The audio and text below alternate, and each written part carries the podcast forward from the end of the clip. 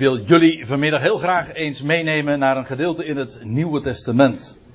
En wel naar het boek Handelingen. En ik zou hier ook nog een testje van kunnen maken. Waar denk je dat ik vanmiddag naartoe ga? Naar welk Bijbelgedeelte? Welk Bijbelhoofdstuk? Zeg het eens. Handelingen 17. Ik hoor het van twee kanten. Heel erg goed. Dat is helemaal juist. En we hebben trouwens zojuist al een paar liederen gezongen die daar al helemaal op aansloten. Op weg hier naartoe, toen reden Peter en ik achter een grote vrachtwagen. En daarop stond de grote tekst. Er is er maar één. En toen dachten wij. Ik zei dat de mensen zo tegen Peter.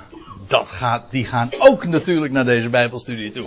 Alleen, ik moet erbij zeggen, er stond onder de goedkoopste. Er is maar één de goedkoopste. En daarover gaan we het dus niet hebben. Maar er is er maar één. En het gaat inderdaad over die ene God. Die volstrekt uniek is. En omdat hij uniek is, is hij ook werkelijk God. Hij hoeft zijn plaats niet te delen. Wel, dat is wat ooit Paulus daar in Athene heeft verteld. En het is een betrekkelijk bekend verhaal, denk ik. Maar ik denk dat het een goed idee is om eens, zoals ik dat vanmiddag ook wil doen, om het hele gedeelte te bespreken. En om, om het ook eventjes uh, in perspectief te plaatsen en ook de voorgeschiedenis daarvan te vertellen. Kan iedereen trouwens goed lezen, ook erachterin? Ja. Zo niet, dan is het jammer. Ik kan er ook eventjes niks aan doen. Maar het is zo dat, uh, om eventjes een beeld te krijgen van waar we het over hebben, zo ergens halverwege de vijftiger jaren van ons jaartelling. Paulus was uh, zojuist gearriveerd. Um, ik zeg hier in Rome, maar dat moet zijn Athene. Nou, dat is de eerste fout. Oké. Ik hoop dat het daarbij blijft. Maar Paulus is zojuist vanuit Thessalonica gearriveerd in Athene. En dan wacht hij op zijn medewerker Silas, of Silvanus, zo noemt hij hem zelf altijd in zijn brieven, en Timotheus, twee medewerkers. En terwijl hij dan wacht, heeft hij trouwens nog hele belangrijke dingen gedaan, want hij heeft toen ook nog een brief geschreven, die we ook in de Bijbel hebben. De, de eerste brief aan de Thessalonikers. En dan lees je dit. En dan haak ik aan bij vers 16 van Handelingen 17. En ik ga door een heleboel versen uh, heel snel om een paar dingen er vooral ook gewoon uit te lichten. Waarom? Omdat ik het wil gaan hebben over de echte boodschap die hij daar ooit in Athene heeft verteld en die zo geweldig groot is. Nu is dat nog onveranderd. Dat is de boodschap die, die Paulus onder de natieën mocht vertellen. Namelijk van die ene grote God die voor hen onbekend was.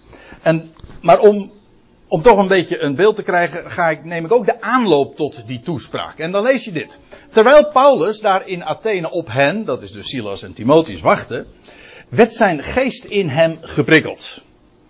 Hoezo? Nou, toen hij de stad aanschouwde en het was vergeven van afgoden. Zo staat het er eigenlijk. De tekst die ik hier heb, dat is een tamelijk letterlijke weergave van, uh, van wat we in de grondtekst dus lezen.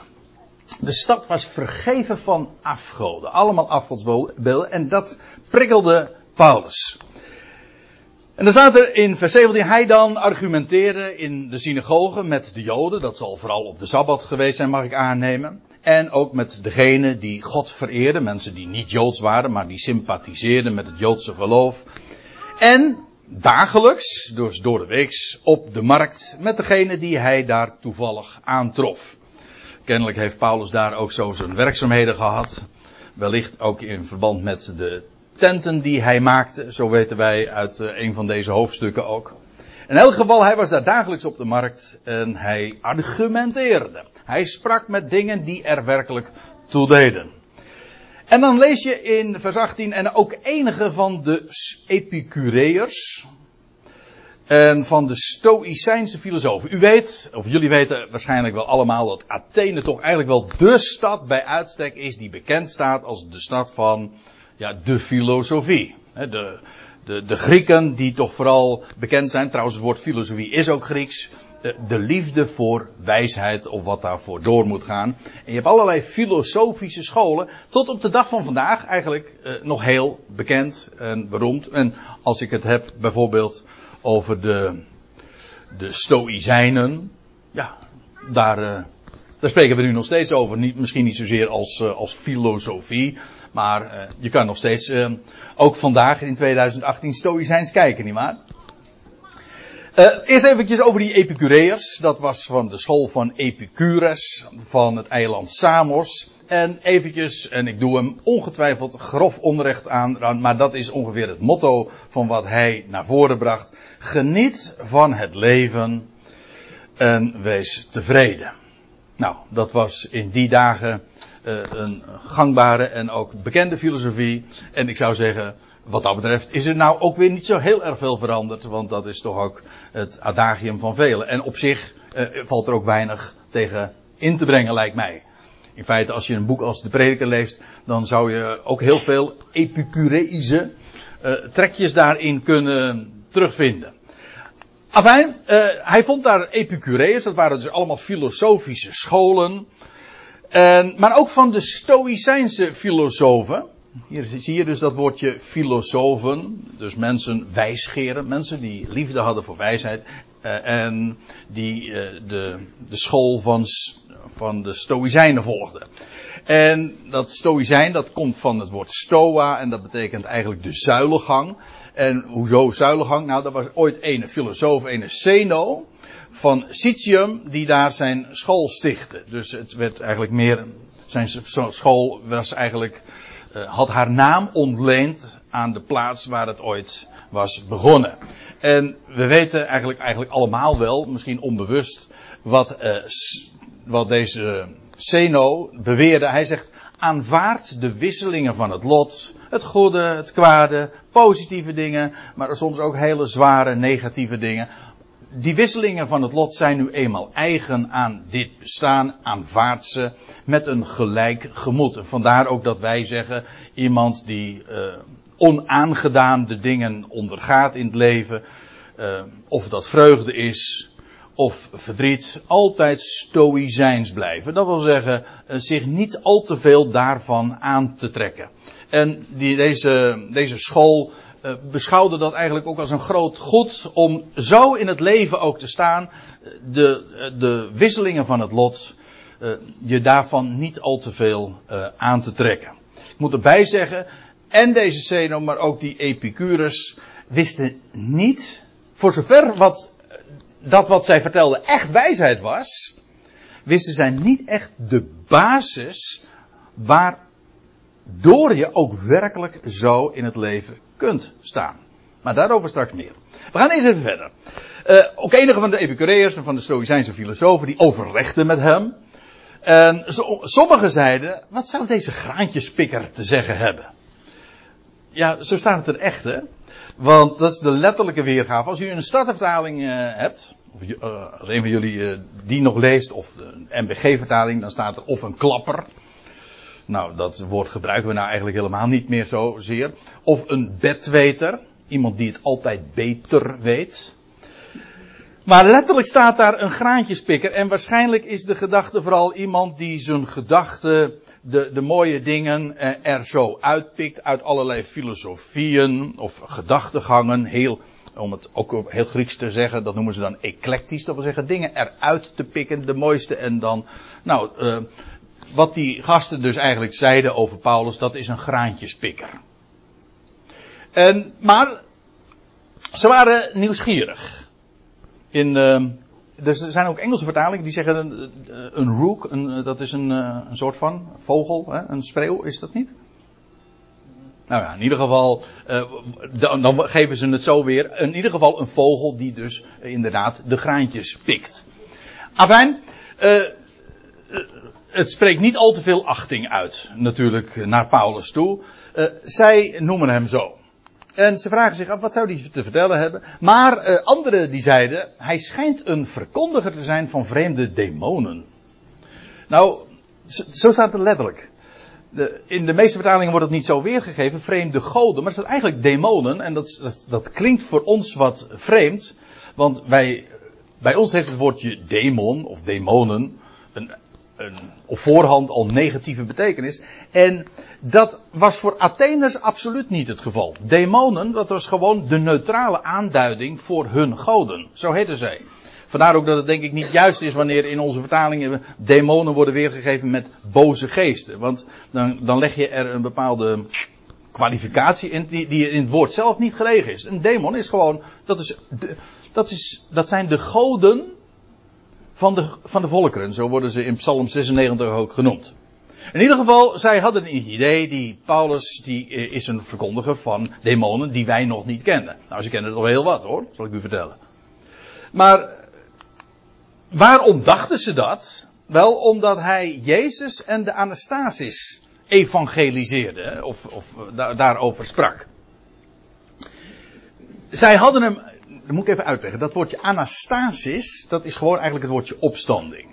Je zou dat ook gewoon onvertaald kunnen laten, dus hij verkondigde Jezus en de opstanding. Maar het idee is, ze, ze menen dat hij vreemde demonen leerde, en waarom? Omdat hij Jezus en de Anastasis uh, evangeliseerde. Omdat ze hoorden hem daarover. Dat is trouwens een, wel een compliment voor Paulus hoor. Want één ding hadden ze wel. Ze wisten eigenlijk niks. Nou, ze hadden de klok horen luiden. Maar ze wisten absoluut niet waar de klepel hing. Maar eh, ze hadden wel begrepen, hij spreekt over Jezus altijd en over Anastasis. Maar Anastasis is gewoon het Griekse woord voor opstanding. En zij dachten van dat dat een demon was, een, een, een god. Zij vatten dat dus op als een eigen naam. Nou, dat is een misverstand. En dat is wat zij begrepen. Hij spreekt altijd over Jezus en over opstanding. En wat ze trouwens ook in de gaten hadden, dat hij evangeliseerde. Dat is bij ons natuurlijk een beetje een, eh, een versleten woord geworden, waarbij we nauwelijks nog idee hebben wat het echt betekent. Maar als je dit in het, gewoon weer in het Grieks terugvertaalt, dan betekent dat gewoon een goed bericht vertelde. Dat is wat evangeliseren betekent. Hè? Evangelie, goed nieuws. Hij bracht goed nieuws. Dat is wat ze dus, uh, meenden. Hij brengt goed nieuws over ene Jezus. Wie het ook maar zijn mogen. En over Anastasis, over opstanding. En het is goed nieuws. Dat is wat, dat is wat ze begrepen hadden. Dus eigenlijk drie dingen. En dan denk ik, dan heeft Paulus, ondanks het feit dat ze een totaal nog geen idee hadden, eh, heeft hij toch in elk geval prachtige dingen al uh, doorgegeven. Dat was duidelijk. En dan staat er in vers 19, en ze namen hem mee, en ze leidden hem op de Areopagus. Dat betekent de heuvel van Mars. En dat was eigenlijk het Hooggerechtshof. Als je nu nog uh, naar Athene gaat, ik ben ooit jaren geleden, een jaar of twintig terug, daar geweest. Ik, ik moest daar gauw wegwezen, want het was hartje zomer, snik en snik heet, meer dan 40 graden. En dan daar in Athene met al die muffe uitlaatgassen, vreselijk. Maar ik ben toen nog wel even op de Areopagus geweest. Ja, nog steeds zo te, te bezien. Maar het was toen de plaats de heuvel van Mars, dat is wat het eigenlijk betekent. En de, het Hoge Rechtshof. Dus het was echt het centrum van de stad waar hele belangrijke dingen gebeurden. Later komen we nog iemand tegen die heet een Areopagiet en dat was een lid van het Hoog we komen hem straks aan het eind nog even tegen. Uh, ze namen dus, terwijl ze zo hun vragen hebben, nemen ze Paulus mee en leiden hem op de Areopagus zeggende, kunnen wij weten wat dit nieuwe onderwijs is?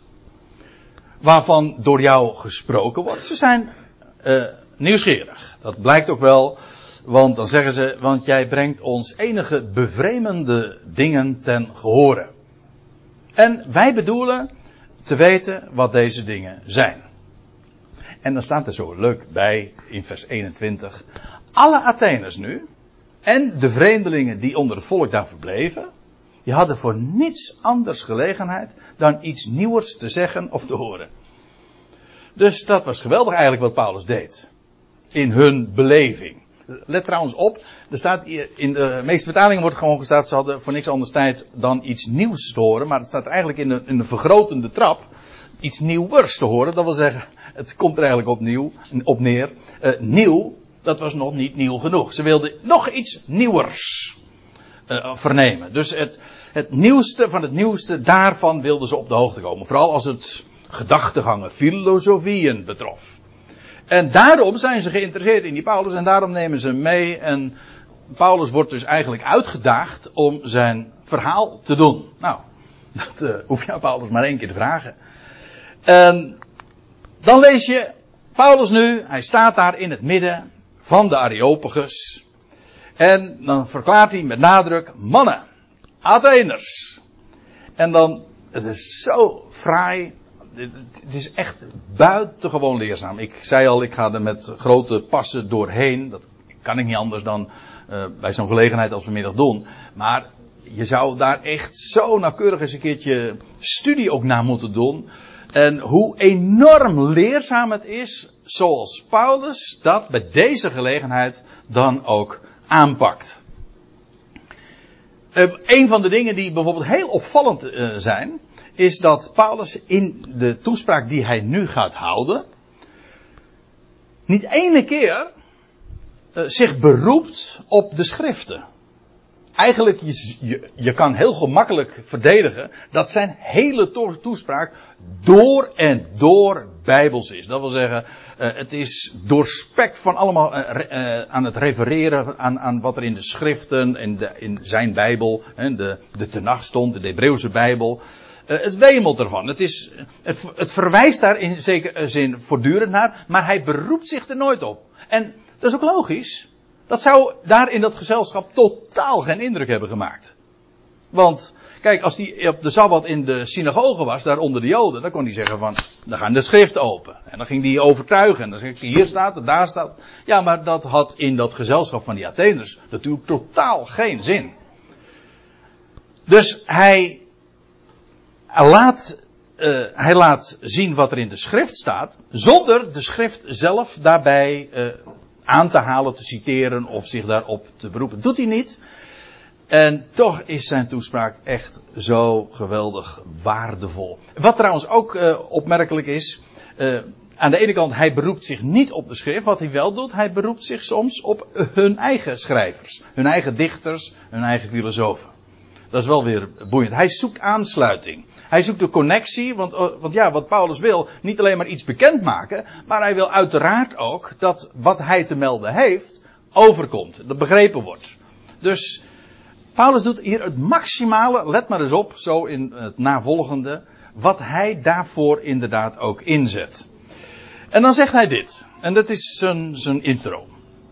Hij zegt, mannen, Atheners, ik aanschouw jullie van alle kanten als buitengewoon religieus. Ja, en dat is zo mooi, want hij begint zijn toespraak dus met een compliment, terwijl we lezen, zojuist in vers 16 hadden we dat gezien, dat hij in de geest geprikkeld was door de vele afgoden. Dus hij had van leer kunnen trekken.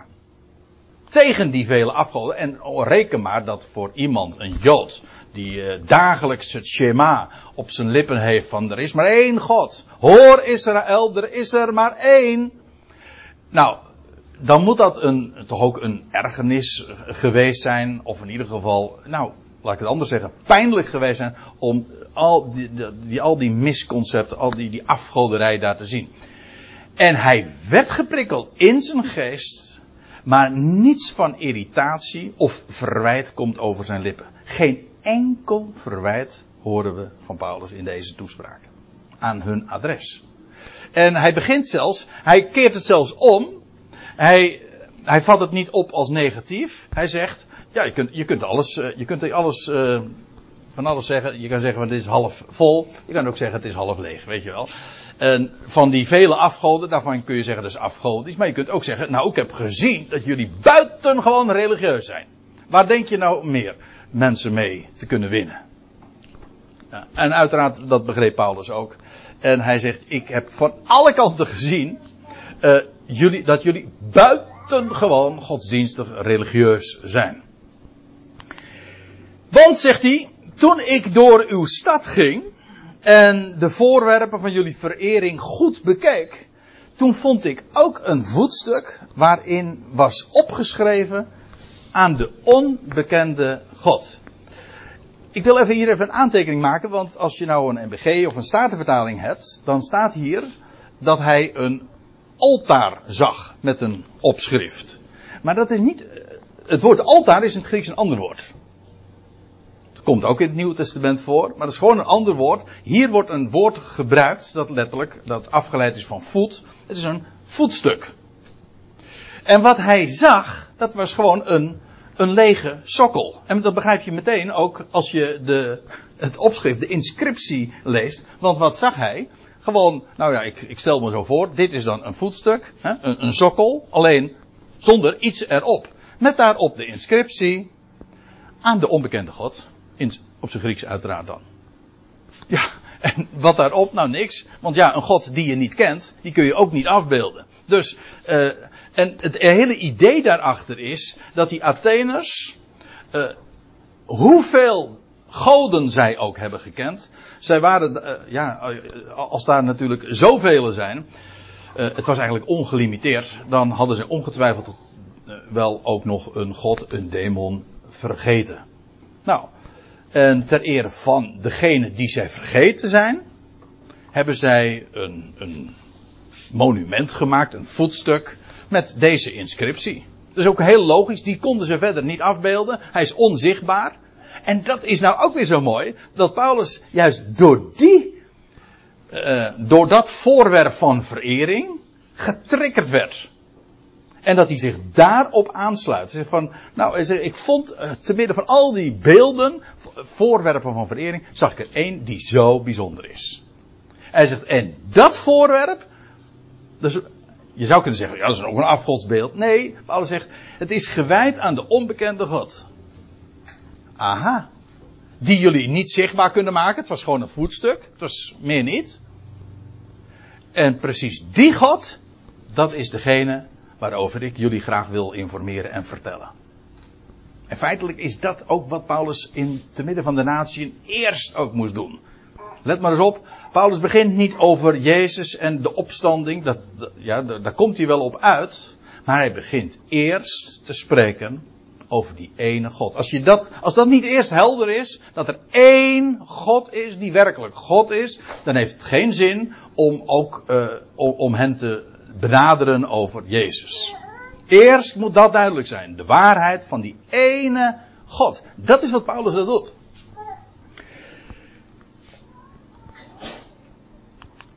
En dan zegt hij, wat jullie dan zonder het te kennen, dat geven jullie zelf aan, het is gewijd aan de onbekende God, dus wat jullie dan zonder te kennen eerbiedig bejegenen, want ze hebben er toch maar mooi een, een monument van gemaakt, gewijd aan. Het was een voorwerp van verering.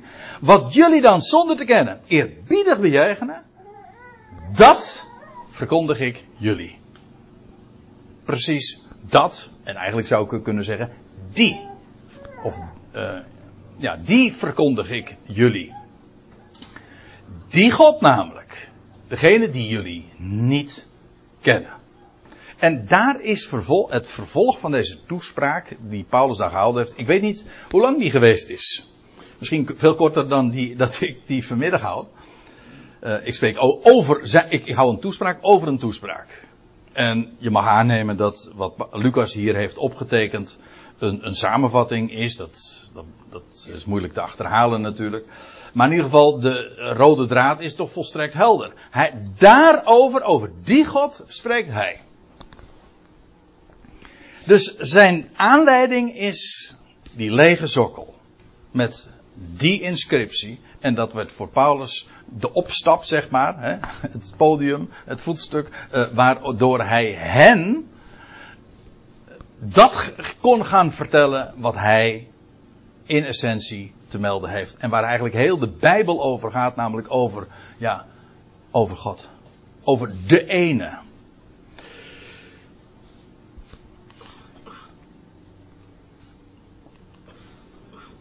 Dan zegt hij in vers 24 dit. Eigenlijk hier begint zijn echte toespraak.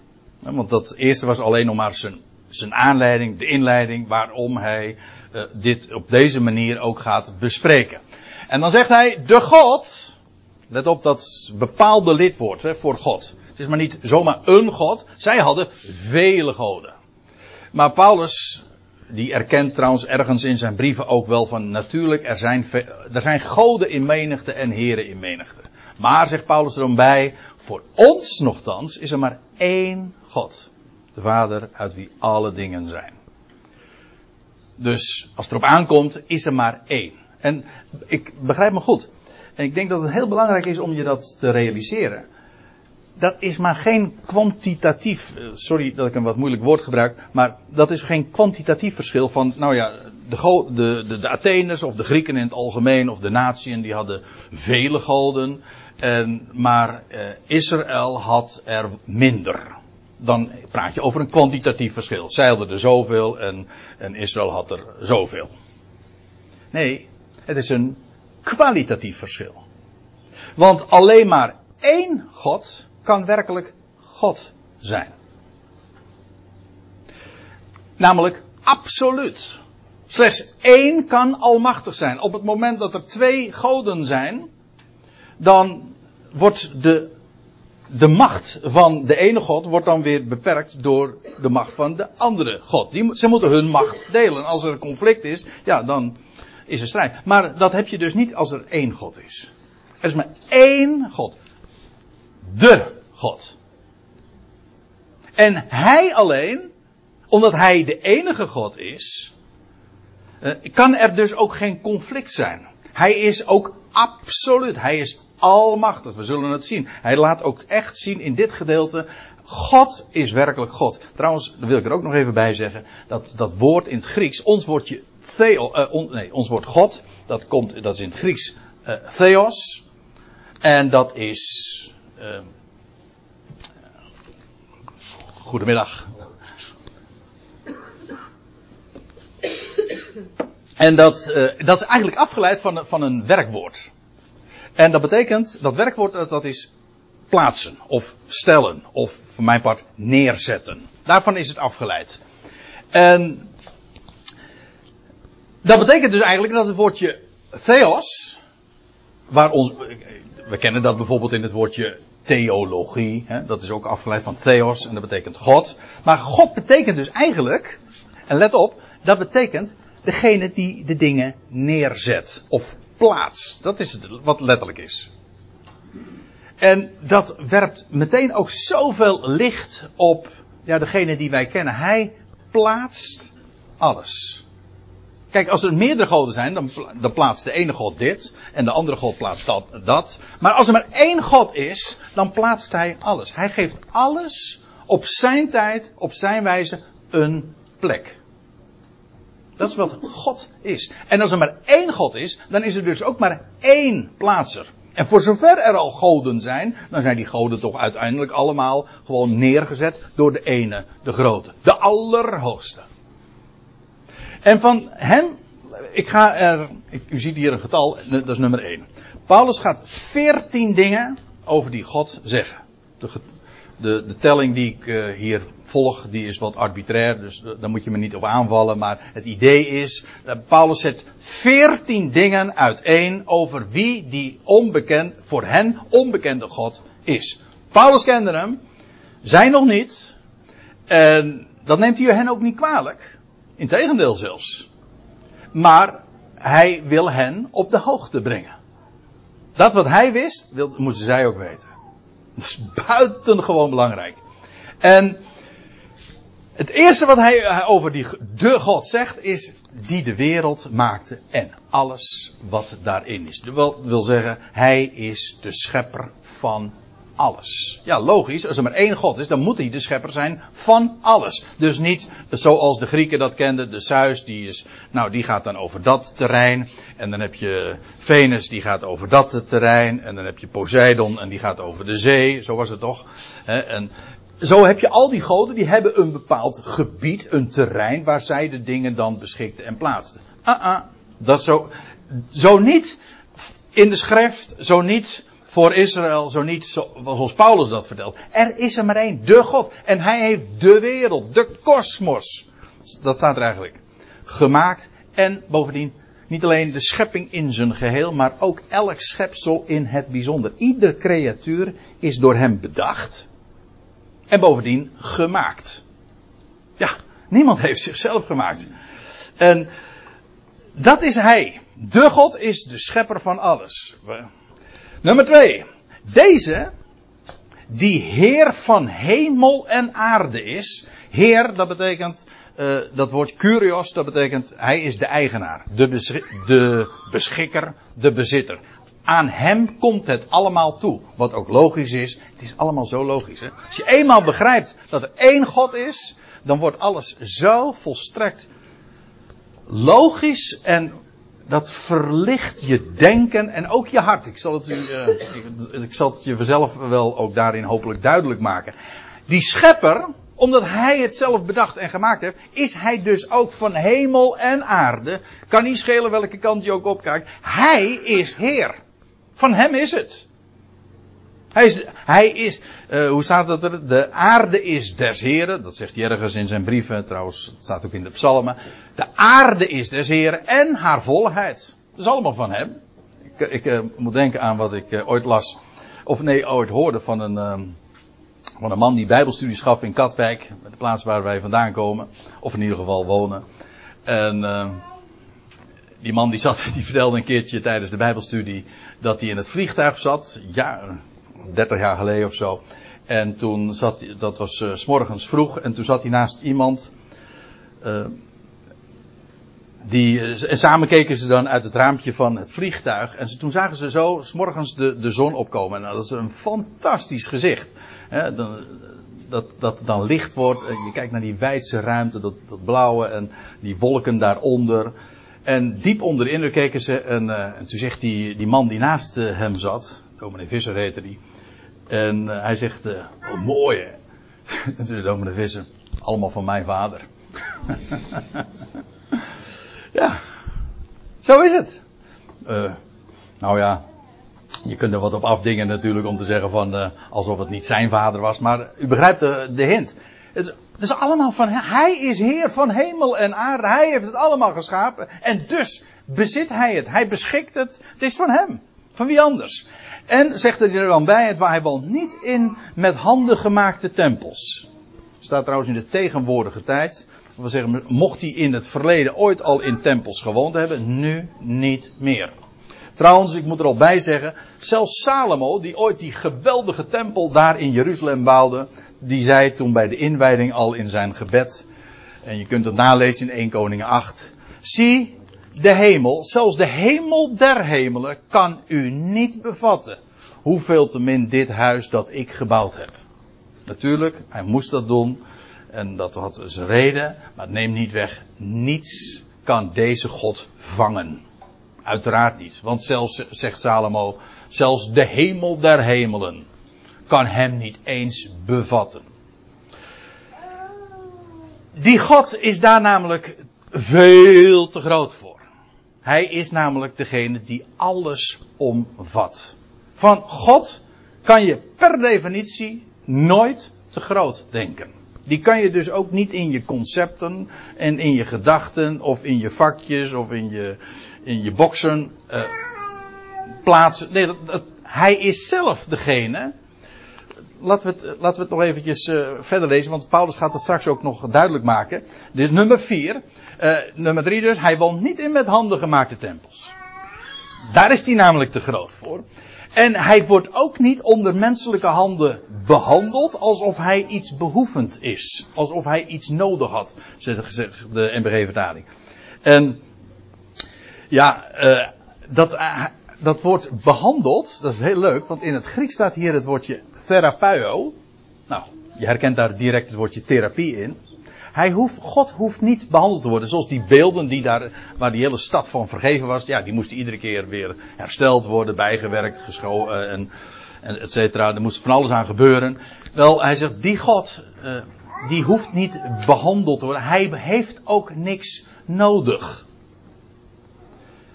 En die God, wij, heeft niet ons nodig. Wij hebben hem nodig. En vergis je niet, die God is ook niet afhankelijk van ons. Ik heb dat. Ik zal u.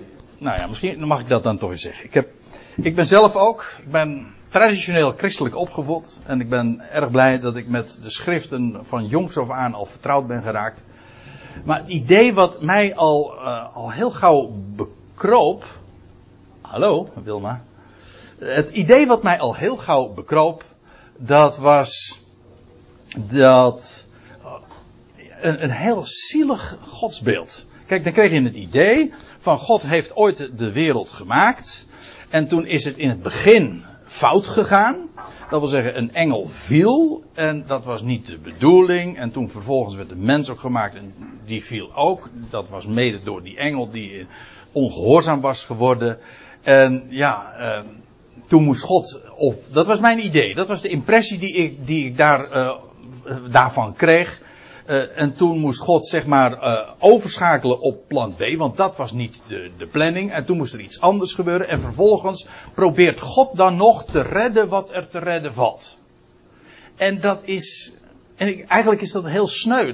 Dan heb je, dat is niet, dat is niet de God die Paulus predikt. Sterker nog, eigenlijk lijkt, als je dat idee hebt, dan heb je een God in de termen van, zoals de Grieken die hadden. Een godje.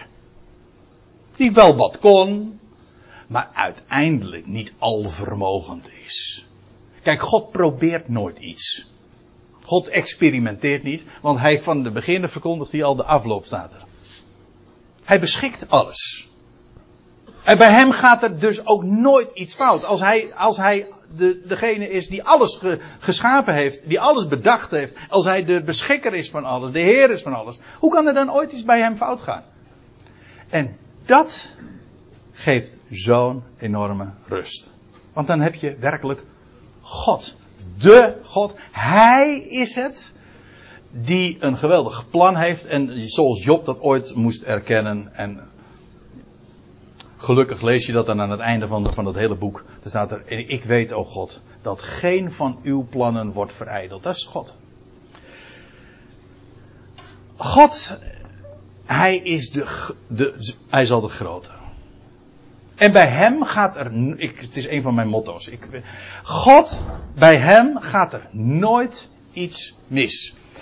Waarom? Nou, dat staat er dan ook, nummer 5. Hij zelf geeft aan alle leven en adem en alles. En het al. Wat je ook maar bedenkt.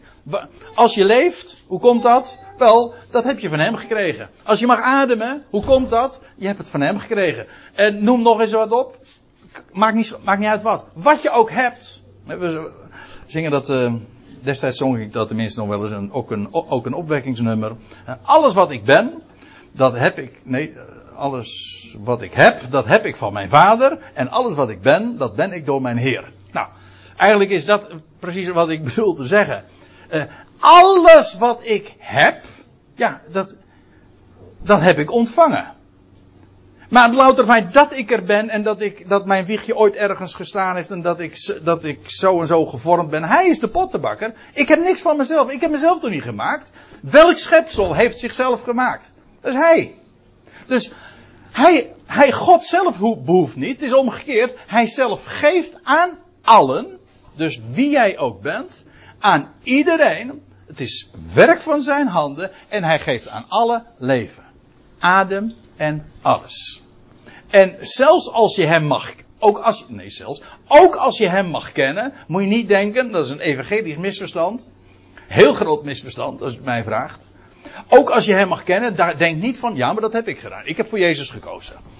Dan maak je er nog weer een, een, eh, een werkje van. Iets wat, wat je, op jouw konto staat, wat jij verdiend hebt. Ah, ah, vergeet het maar gerust. Als je ogen hebt om te zien, en oren om te horen, en een hart om te verstaan, dan is dat omdat, zoals dat in de spreuk ook staat, het oog dat ziet, het oor dat hoort, beide heeft de Heere Yahweh gemaakt. Dat is een reden dus om hem daarvoor te danken. Hij geeft leven, adem, alles. En dat is een enorm voordeel. Ook als ik hem, als wij hem vandaag al mogen kennen, prijs God. Hij heeft je ogen daarvoor geopend. En het feit dat ik mag geloven en dat ik overtuigd ben, dat is, een, dat is passief, hè? ik ben overtuigd. Wie zijn, wie zijn prestatie is dat dan? Hij. Hij heeft mij overtuigd door zijn woord. Dat is zijn prestatie. En dan zeg je van, ja, maar wat valt er dan nog aan eer te behalen? Nou, niks. Helemaal niks. Het is Gods gave. Opdat wie rond, roemen in hem. Maar dan ook hij alleen. Nou, dat, kijk, dat zijn van die fundamentele ABC-waarheden die Paulus hier gewoon in dat gezelschap daar in Athene neerlegde. En ik denk, ik weet zeker, dat wij gewoon hier in Zeewolde eh, nu nog in, in, dat, in, in een christelijk landje of in een postchristelijk landje, hoe je het ook maar noemen wil, dat wij daar nog zo gigantisch veel van kunnen leren. Want dat Gods concept, als ik het zo mag zeggen, dat Gods besef dat Paulus hier neerlegt, gewoon in dit volstrekt onwetende gezelschap. Nou, dat is zo groot, zo alomvattend, zo geweldig. Daar, eh, daar kunnen wij onze oren echt nog heel goed bij te luisteren leggen. We, gaan verder, want ik ben bij, nog maar bij punt 5. Uh, eh, ik moet sneller doorgaan. Uh, trouwens, hij maakte uiteen, zegt Paulus dan, uiteen, uit één mens, hè, Adam, elke natie van mensen. Om te wonen op de hele oppervlakte van de aarde. En hij bepaalt de toegemeten periode, dat wil zeggen de, seizoenen en de, de tijdperken die er zijn. Hij is het die zowel in de tijd als in de ruimte, hè, en ook de grenzen van hun woonplaats, bepaalt. Dat heeft hij trouwens nog weer op een hele bijzondere manier gedaan. Al die naties krijgen een plek. Hè? Hij is de plaatser. Hij geeft ze ruimte. Hij zo, in, dat, in dat tijdsbestek eh, mogen jullie dit doen. Krijgen jullie die ruimte. En op die plaats. En hij heeft het allemaal geordend naar, uh, naar het volk Israël, weten we. Nou, dat moet je, zou je nog moeten nalezen in die versen die hier staan. Dat ga ik nu niet doen. Maar let even op. Hij bepaalt dat. Hij wijst toe ruimte en tijd. En hij doet dat perfect, want hij is God. Hij is de plaatser. Waarom? Er staat erbij, om de God te zoeken. Dus hij geeft ze die, uh, die periode, hij geeft ze hun grenzen, hij geeft ze hun plek onder de zon. Ja, waarom? Wel om God te zoeken. Waar het uiteindelijk allemaal om gaat. Elk mens zoekt toch waarom die er is. In die zin is elk mens ook een filosoof. Ja, waarom ben ik er hier in godsnaam? Wat, wat zoek ik hier? Of wat, wat, waarom ben ik hier dan? Nou, ja, dan kom je bij God uit. Kan niet anders, want hij heeft je bedacht. Hij heeft je gemaakt. Hij heeft, hij heeft het met een bedoeling ook gedaan. Want je bent werk van zijn handen. En laat hij ook nooit meer gaan. Dat is ook zoiets. Dat is geweldige van, van, van de God die hier neergezet wordt. Dat is de God, ja, van wie wij zijn. Uh, er staat er ook bij, om, hij heeft de, de bedoeling dat, de mens, dat het feit dat de mens zoekt naar de zin van zijn bestaan, dat geeft trouwens al aan dat hij eigenlijk diep in zijn hart weet, het bestaan moet een zin hebben. Diep in je hart weet je, er is een God. Anders, waarom zou je anders zoeken naar de zin van je bestaan? Toch? Trouwens, wie kan leven? Wie kan werkelijk leven met de, gedachte dat bestaan zinloos zou zijn? Daar kun je, daar kun je niet meer leven. Dus alleen dat al uh, bepaalt je bij de God. Afijn, om de God te zoeken. Dat is wat, uh, wat de mens zou doen. Of ze hem al tastende zouden mogen vinden. En zegt Paulus er dan zo laconiek bij. Ja, hoewel hij zeker niet ver weg is van een ieder van ons. Dat kan ook niet anders. Want, zegt hij dan, want hij motiveert dat. In hem leven wij. En bewegen wij. En zijn, en zijn wij. Dat, daar hoort nog een ennetje achter. Waar je ook heen gaat. Dus, eh, vanmorgen las ik nog uit Psalm 139. En dan ging ik wonen aan de andere kant van de zee. Daar zou mijn hand, eh, zegt de, de psalm dan, daar zou uw hand mij nog geleiden. Natuurlijk.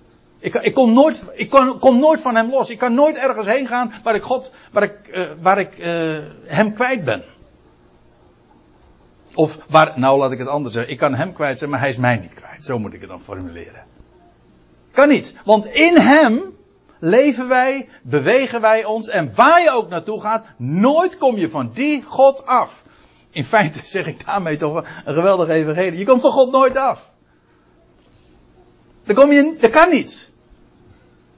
En hij heeft, je, heeft je bedacht en hij heeft een geweldig plan met je. En welk schepsel je ook bent, dat is je geboorterecht. Let op, want uh, ik lees even verder. Punt, ja, eh, in hem eh, leven wij, bewegen wij en zijn wij. Dat betekent hij is almachtig, hij is alwetend en hij is ook alomtegenwoordig. Dat is dus echt God. De God. En Paulus, ik zei al, hij citeert niet de schrift, maar wat hij doet is zich beroepen op wat een van hun eigen dichters hebben uh, uitgesproken. Me meerdere van hun dichters. Dus Paulus kende zijn klassieken en hij citeert ze ook. En hij citeert dan deze uitspraak, want wij zijn ook van zijn geslacht. Moet je je voorstellen. Wat Paulus hier dus zegt, tegen zijn onwetende, of voor mijn part ongelovige toehoorders. Hij, cite, hij, met instemming citeert hij dus een van hun filosofen, die ooit, of dichters, die ooit hebben gezegd: Wij zijn van Gods geslacht. En Paulus zegt: Dat is ook zo. Wij zijn van Gods geslacht. God is de Vader. Ja, op een bijzondere wijze die van de gelovigen, dat is een, dat is een verhaal apart. Maar hier is het de, de gedachte, God is de vader van heel zijn schepping, alles komt uit hem voort. Staat ook in Malachi 2. Hebben wij niet één God? Is, of hebben wij niet allen één vader? Heeft niet één God ons allemaal gemaakt? We zijn door hem bedacht, we zijn door hem gemaakt, we komen uit hem voort. Hij, we zijn van Gods geslacht. Moet je nagaan. Paulus zegt tegen al die Atheners daar op de Areopagus. Wij horen bij zijn gezin. We zijn van Gods geslacht. En daarmee dus ook begrepen in zijn vaderzorg. We komen uit hem woord. En dat kan hij niet laten varen. Nou, zegt Paulus, concluderend en daarop voortbouwend. Daar wij dan van het geslacht van God zijn, van zijn soort zijn, van, we komen uit, we zijn van zijn huisgezin, moeten wij niet veronderstellen dat het goddelijke lijkt op goud of op zilver of op steen of op beeldhouwwerk van, van handwerk. Wat Paulus dus daar in die hele stad Athene uh, juist wel zag. En van menselijke gevoelens. Kijk, het hele idee is, God bedacht ons, wij niet, niet wij hem.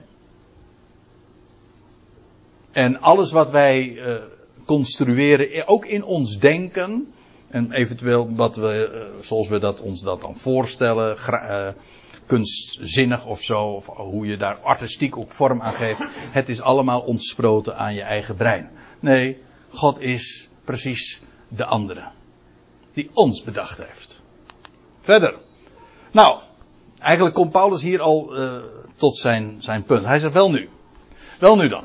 Met voorbijzien van de tijden van de onwetendheid. Want ze waren onwetend van de God die hij nu hen zo in een notendop van verteld had, wel, die kenden zij niet. Dus tot dusver waren ze gewoon volstrekt onwetend van de ene God.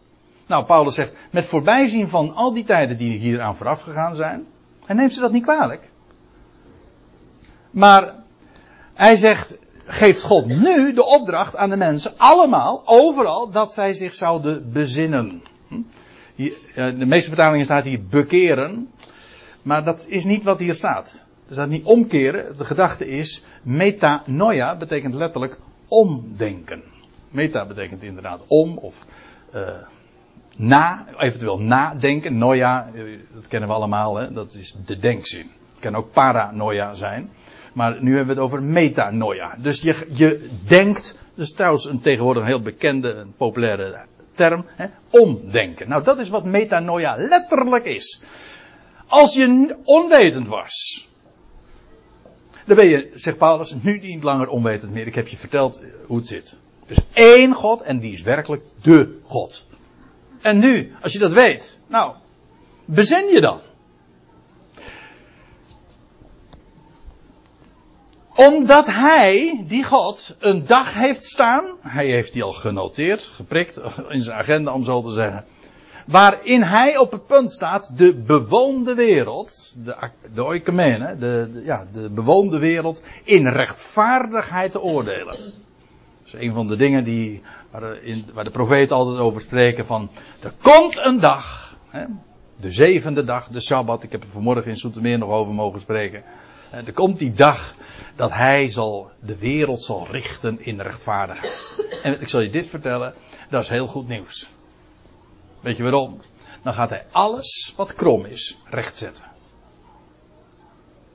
Hij komt, waarom? Om alles in rechtvaardigheid, dat wil zeggen, hij gaat recht doen, ook recht zetten, ook weer terecht brengen. Dat heeft er allemaal mee te maken.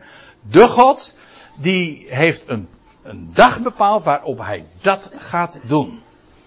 Nu wijst hij dus naar de toekomst, waarin hij de wereld rechtvaardig zal oordelen. Met harde hand, maar in ieder geval altijd met het doel om de dingen recht te zetten en terecht te brengen.